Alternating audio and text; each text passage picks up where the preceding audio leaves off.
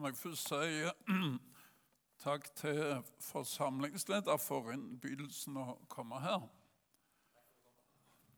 Men eh, for lenge siden jeg jobbet i Salem, da ble det servert kaffe og kjeks, og nå er det kun sprit, ser jeg. Så det er en ny linje her i, i Salem. Men eh, alt går jo videre, som får ta det sånn. Vi skal lese teksten i dag fra Lukas kapittel 21. Og vi skal lese fra vers 25 til 36 i Jesu navn. Overskriften er slik Menneskesønnen skal komme tilbake. Og det skal vise seg tegn i sol, måne og stjerner og på solen skal folkene bli grepet, og, og på jorden skal folkene bli grepet av angst og fortvilelse når hav og brenninger bruser. Mennesker faller i avmakt av redsel og gru for det som skal komme over jorden. For himmelens krefter skal rokkes. Da skal de se menneskesønnen komme i skyen med kraft og stor herlighet. Men når dette begynner å skje, da rett dere opp og løft hodet, for deres forløsning stunder til. Og han sa en lignelse til dem. Se på fikentreet og alle trær. Så snart de springer ut og dere ser det, da vet dere av dere selv at sommeren er nær. Slik skal dere også, når dere ser disse ting skje, vite at Guds rike er nær. Sannelig sier jeg dere, denne slekt skal slett ikke forgå før det har skjedd alt sammen. Himmel og jord skal forgå, men mine ord skal slett ikke forgå. Men ta dere i vare så ikke deres hjerte tynges av rus og svir og timelige bekymringer, så den dagen skulle komme uventet over dere som en snare for den skal komme over dem som bor over hele jorden. Men våg hver tid og stund og be at dere må bli aktet verdige til å unnfly alt dette som skal komme, og til å bli stående for menneskesønnen. Denne teksten er tatt ut av eh, noen taler som Jesus holdt onsdagen før skjærtorsdag. Han sitter på Oljeberget sammen med sine disipler. Og disse talene er kalt talene fra Oljeberget. Og det som vi leste nå, er bare en liten del av det Jesus sier på, som svar på et spørsmål.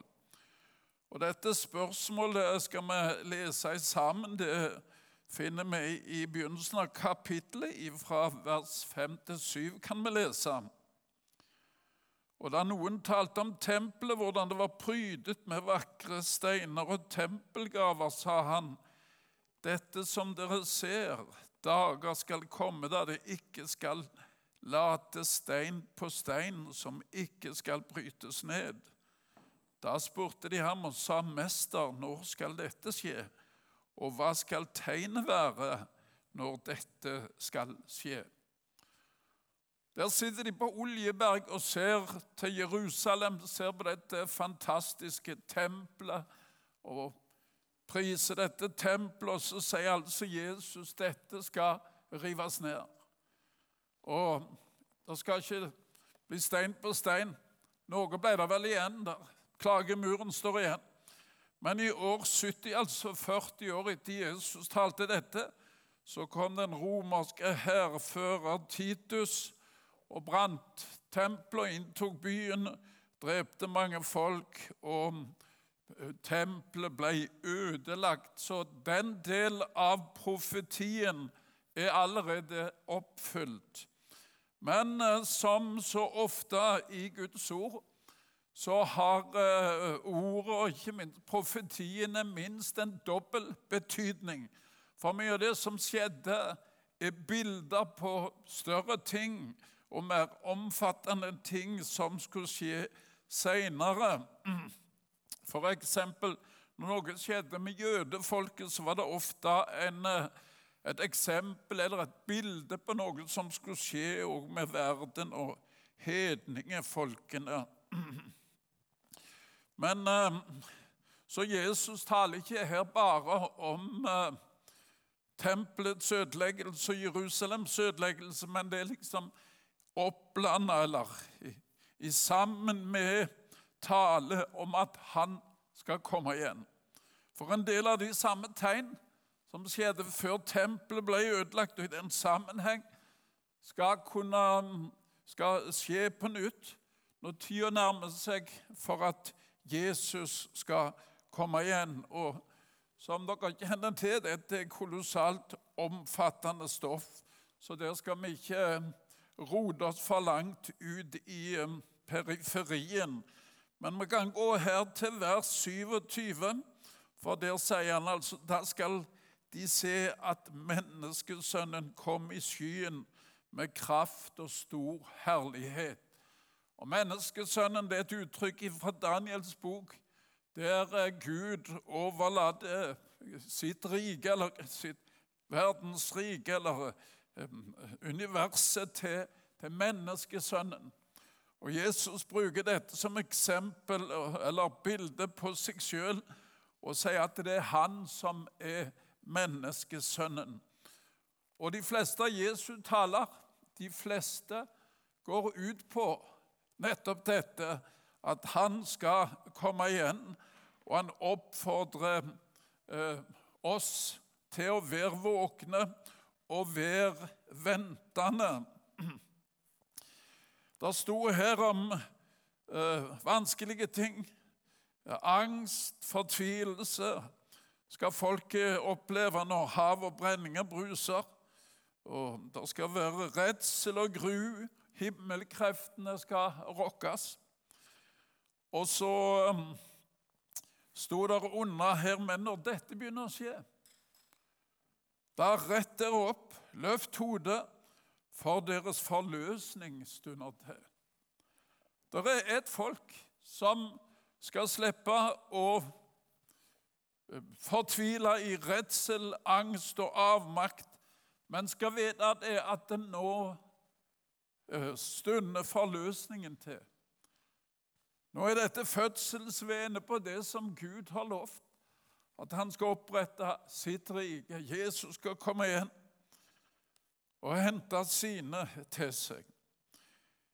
I, um, tidligere i dette kapitlet så, så vi at det skulle være forskjellige tegn som uh, en skulle legge merke til når dette begynner å skje, når liksom det drar seg til, når konturene begynner å vise seg og alt dette er jo ting som har vært før, men det skal øke i intensitet når tida nærmer seg. Og Her kan vi plukke ut tre ting. Der står at det skal være økning i falske lærere. Falske, falsk lære og falske lærere. Og Neste punkt det er at det skal være store katastrofer i naturen blant menneskene.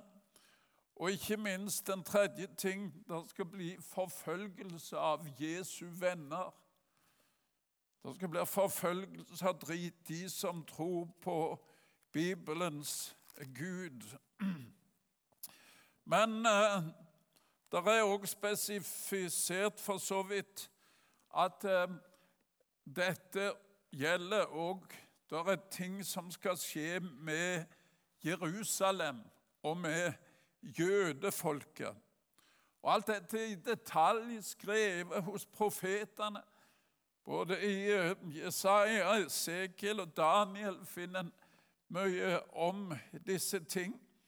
Og eh, vi som leser Skriftene, har den store fordelen at vi kan begynne å se konturene og kjenne igjen ting som Bibelen har nevnt, og som Bibelen har sagt at disse ting skal trekke seg til og øke i intensitet, og spesifikke ting skal skje når tida nærmer seg.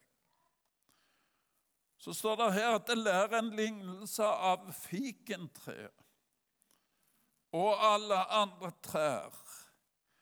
Så snart det springer ut og dere ser det, da vet dere selv at sommeren er nær. Ja, Fikentre var et vanlig tre i Israel. og Når det begynte å blomstre, eller knopper som blomstra, så visste alle at nå, nå kommer sommersesongen. Men fikentreet er også brukt i profetbøkene som et bilde på Israel og, og jødefolket. I 1948 så ble Israel et, på nytt en selvstendig nasjon som ved et under, med et lite flertall i FNs generalforsamling. Og det var et under, for det hadde ikke skjedd at jødene var en samla nasjon eh, siden 932 år før Kristus.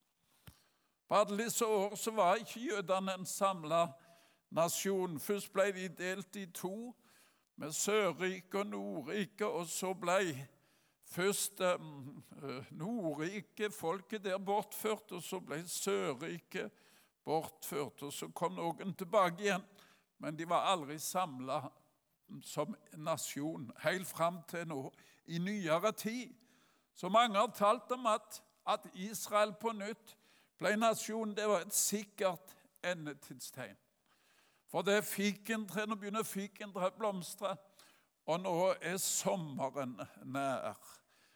Og um, som med eh, mennesker som lever i denne tida der alt er instant, instant coffee og alt skal være liksom med en gang, så regner vi med at nå kommer det til å skje med, med en gang. Men jeg òg tror at eh, Israels samling var en del av endetidstegn. Men Gud, han har på en måte god tid. Og han drøyer, står der, ikke minst for om å få frelsa flest mulig. Derfor drøyer han. Men jeg tror vi kan, uten å forkynne vranglære, ta dette med Israel som et tegn på ja. Dette var et av de ting som skulle skje før, før uh, når tida nærmer seg og Herren kommer tilbake igjen. Og jeg er nå av den tro at eh, ennå så er ikke eh, Gud ferdig med dette folk, verken med Israel eller jødefolket, og at de er med i Guds plan helt til siste akt. Den tro har jeg med å studere i Skriftene. Men der sto det var ikke bare fikentre en skulle legge merke til her, men det var òg alle andre trær. Når de begynner å forberede seg til sommeren med knopper og blad, så skal en vite at nå er, er sommeren nær. Sommeren, Jesu gjenkomst, opprettelsen av Guds rike. Nå er det jo slik at eh, hvert år så får vi det underet med at våren begynner. Våren kommer, blomster og trær eh, slår ut med, med, blader og blomst. Og eh, de fleste av oss opplever dette som fantastisk hvert år. Vi som Jesu venner, vi skal altså kunne studere Bibelen. Jeg vil si Jesu venner og studenter av Bibelen. For hvis du ikke studerer Bibelen, så får du ikke dette med deg, altså. Vi har en enorm fordel, eh, til forskjell fra de fleste andre mennesker her i denne verden. Det er det at Herren har gitt oss så mange tegn og så mange løfter og så mange henvisninger til denne tid at vi skal kunne kjenne konturene og vi skal kunne være forberedt på Hans komme. Og vi skal kunne bruke tida til å forkynne dette og fortelle de andre søk Gud. For han, Jesus kom igjen og nådetida kan bli slutt, og døra kan bli lukka. I vår ungdom, forrige århundre, så eh, ble det ofte talt om Jesu gjenkomst. Det var vekkelsesbudskap. Ikke minst som ungdommer ble vi oppfordra Er du rede hvis han kom i dag? Hvis han kom i natt, skal du bli med om han kommer igjen? Dette budskapet gjorde at mange, mange søkte Gud og kom til frelse, for de ville være forberedt når Jesus kom igjen. En del av forkynnelsen om Jesu gjenkomst har nok vært kan vi si, overstrekt. I eh, ekstreme tilfeller så regna de ut dagen og timen omtrent. Og ikke få har de vært falske profetier om at nå kommer han akkurat den og den dagen eller den og den tida. Jeg husker i 1982 Noen få av dere var i live da. Da husker jeg at det var, da skulle det en del planeter som skulle komme på linja eh, ute i verdensrommet. Det hadde de regna ut. Og Da regna de med at eh, da kom det Det hadde skjedd bare et par ganger før, og det var på Noas tid. Og eh, en eller annen fantastisk, En gang da det skjedde noe aldeles fantastisk. Så I USA så var det liksom avslutningsselskap og, og store liksom, samlinger. De venta på at disse planetene skulle komme på linje. Så kom Jesus igjen. Så vet vi i år 2000 Jeg leste om uh, Jerusalem, der det var ei plage for politiet i Jerusalem. For det kom liksom kristne grupper og sektorer omtrent overtok byen. Nå er det vi som skal bestemme her, for nå kommer Jesus igjen og skal opprette sitt rike osv. Ja, noen overdrev, og kanskje det var med og tok ut brodden av dette alvorlige budskap. Og jeg har spurt meg sjøl er det derfor det tales så lite om dette i dag. Tør vi ikke tale om at Jesus kommer igjen, og at en må være redd? For vi er redde for å si noe feil. I uh, som sagt stadig i forrige århundre. Da ble det sunget en sang blant de kristne, oss kristne. Et av versene det var sånn Når himmelen bliver stor og kjær og yndig, da bliver Herrens hær i striden myndig. Og Bibelen, ikke minst åpenbaringen om profetiene for den siste tid, har et felles ord som går igjen og går igjen og det ordet er våk. Våk, vær rede. Våk hver tid og stund, sier Jesus her. Og Jeg har lyst til å spørre deg sjøl, eller vi kan spørre oss sjøl, hvor ofte tenker du på at eh, Herrens dagen er? Hvor ofte tenker du på at den som ikke er mine, som ikke har et personlig forhold til Jesus, blir ikke med når Herren kommer? Og hvor ofte ber jeg, eller du, om at Gud må gripe inn og frelse så mange som mulig før Herren skal kommer.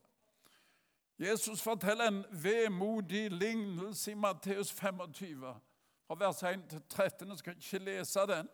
Dere kjenner den godt, de fem kloke og de fem dårlige jomfruene som gikk ut for å møte brudgommen. Og da brudgommen drøyde, står det, så slumret de alle inn og sov. Det er et bilde på kristenheten, den kristne menighet. Da brudgommen drøyde, slumret de alle inn og sov. Kjenner du til noe av denne søvnen og likegyldigheten overfor dette budskap? Men da det var aller svartest, da alle sov, da lød ropet. Brudgommen kommer. Og forskjellen på de som var kloke, og de som var dårlige, var verken intelligens, penger i banken, utdannelse eller visdom på alle livets områder. Det var kun dette ene olja på lampen. Om det var olja på lampen. Olja er et symbol på Den hellige ånd. Og Den som har et levende forhold til Jesus, han har Den hellige ånd i sitt hjerte. Og den som ikke har Guds ånd, hører ikke Herren til, står det i Romerbrevet. Da brudgommen drøyde, slumret de alle inn og sov. For et vemodig budskap om kristenheten. Hvis vi går til verset 34 her, så sto det Men ta dere i vare, så ikke deres hjerte tynges av rus og svir og timelige bekymringer så den dagen skulle komme uventet over dere. Ja, det er ikke bare rus og svir, men timelige bekymringer. De mange livets ting får fokuset bort fra Herren og Hans komme. Og her kjenner vi oss igjen vel alle sammen. Mange gode ting kan komme i veien og få fokuset helt, helt bort.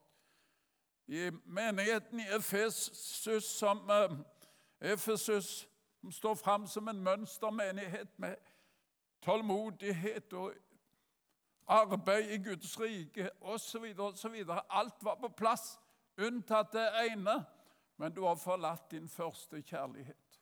Jesus var ikke lenger i sentrum. Alt det andre hadde overtatt. Våg til enhver tid,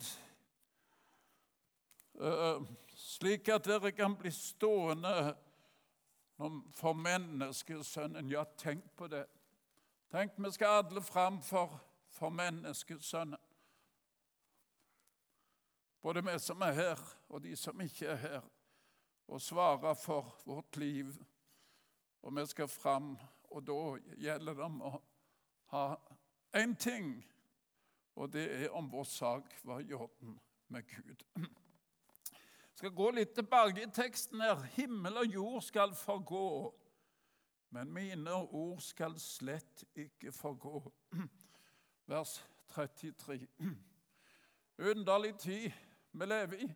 Ikke bare at det serveres sprit i salen, underlig tid.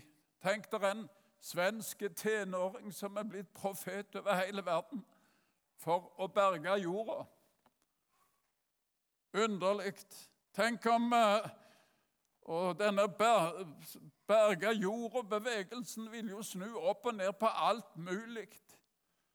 Både flyreiser og nå har de fått god hjelp til det. da.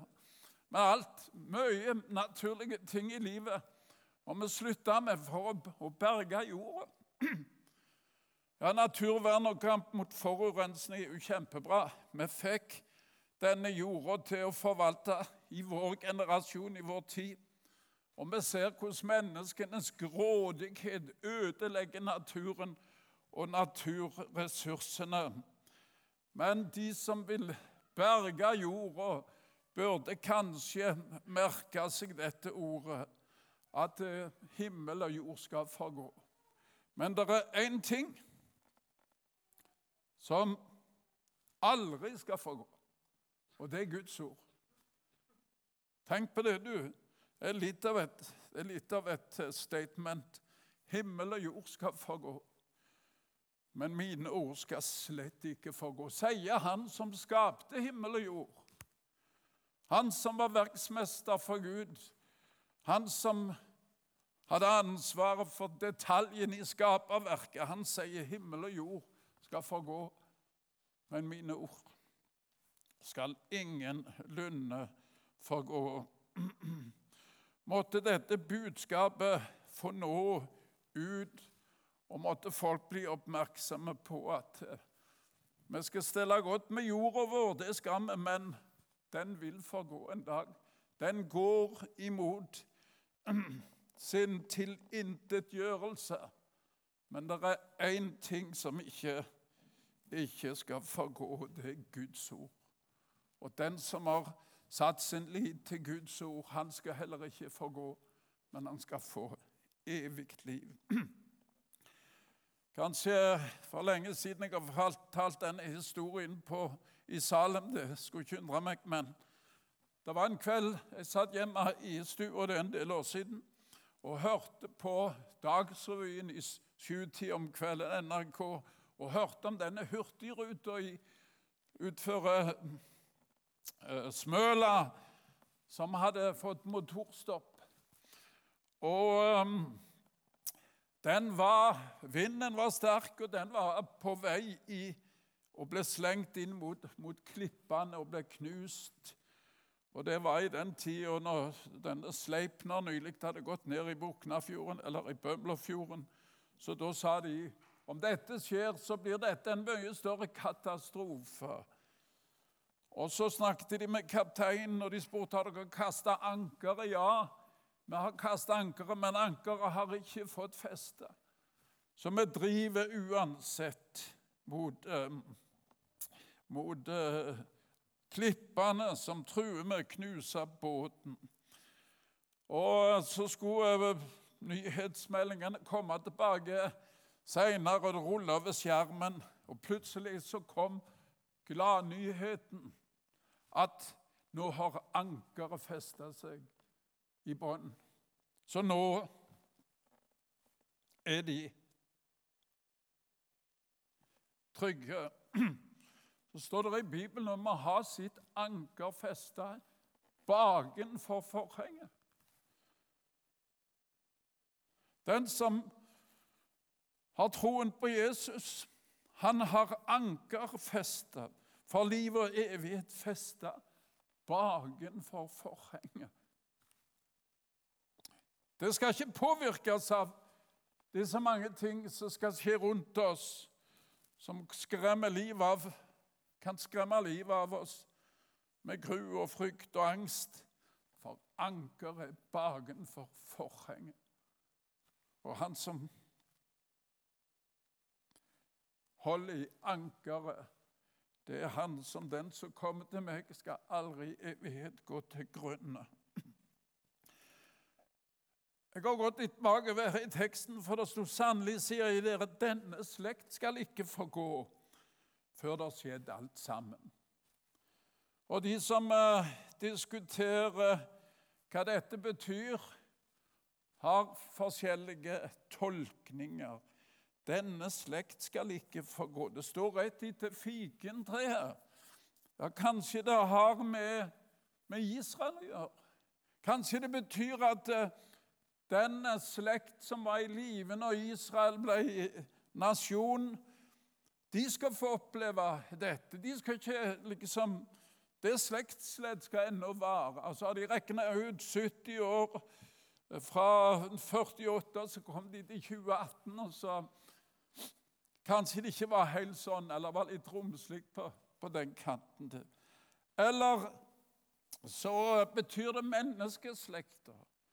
Eller så betyr det den slekt som lever når disse siste runden med tegn og under og, og det som skal skje jeg, i, i, imot avslutningen, når dette på nytt eh, skjer for siste gang, de skal òg oppleve at Herren kommer igjen. Der eh, trenger vi ikke trekke noen bombastisk Eh, konklusjon.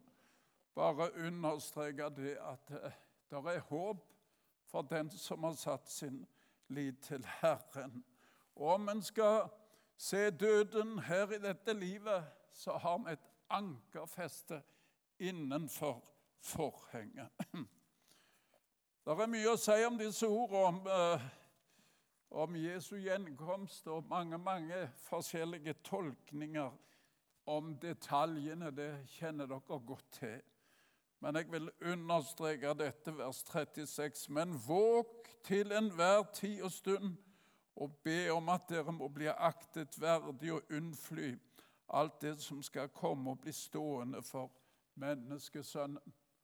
En dag så er det kun det som gjelder. Skal jeg bli stående overfor menneskesønnen? Jeg vil avslutte med noen vers fra Lukas 14. En oppfordring. hva han kan bruke tida til mens en venter på hans komme. Det er når innbydelsen går ut til, til gjestebudet, og det er noen som er for travelt opptatt. En har kjøpt seg åger, en annen har tatt seg kone, og andre har andre ting som gjør at de, de kan dessverre ikke komme. Så står det da tjeneren kom tilbake, fortalte han sin herre dette. Da ble husbonden harm og sa til tjeneren, gå i hast ut i byens gater og streder og før hit inn de fattige og vannføre og blinde og lamme. Og tjeneren sa, Herre, det er gjort som du bød, og der ender rom. Da sa Herren i tjener, gå ut på veien over gjerdene og nød folk til å komme, så mitt hus kan bli fullt. For jeg sier dere, ingen av de menn som var innbudt, skal smake mitt festmåltid. Gå i hast, der er ennå rom. Det er et alvorlig ord, men et fantastisk ord. Å gå ut med fra denne og denne gudstjeneste og vite det at en har fullmakt til innby. Der er ennå rom hos Jesus. Der er ennå rom til å bli forberedt og forberede seg til hans komme. Det er ennå rom ved Frelserens bryst, som det står i en sang. Ennå er nådens tid. La oss be. Herre Jesus, vi takker deg for det lys du gir oss i evangeliet. Det lys du gir oss over tidene som vi lever i, om ditt komme. Oppfordringen til å være forberedt, men òg oppfordringen til å sende ditt budskap ut og innby så mange som mulig for at ditt hus kan bli fullt. Og takk for at du krever ingen annen eh, du krever ingen annen forberedelse, betingelse, enn at den kommer. Og Hjelp oss, Jesus, til å bli fylt med Din Hellige Ånd og få bringe dette budskapet ut til en verden som kanskje har det for travelt til å se at tida nærmer seg, ikke minst i denne julehøytid når du kom for første gang, la budskapet om at du kom igjen, få bli levende for oss og for alle våre og for vårt folk. Vi ber i Jesu navn. Amen.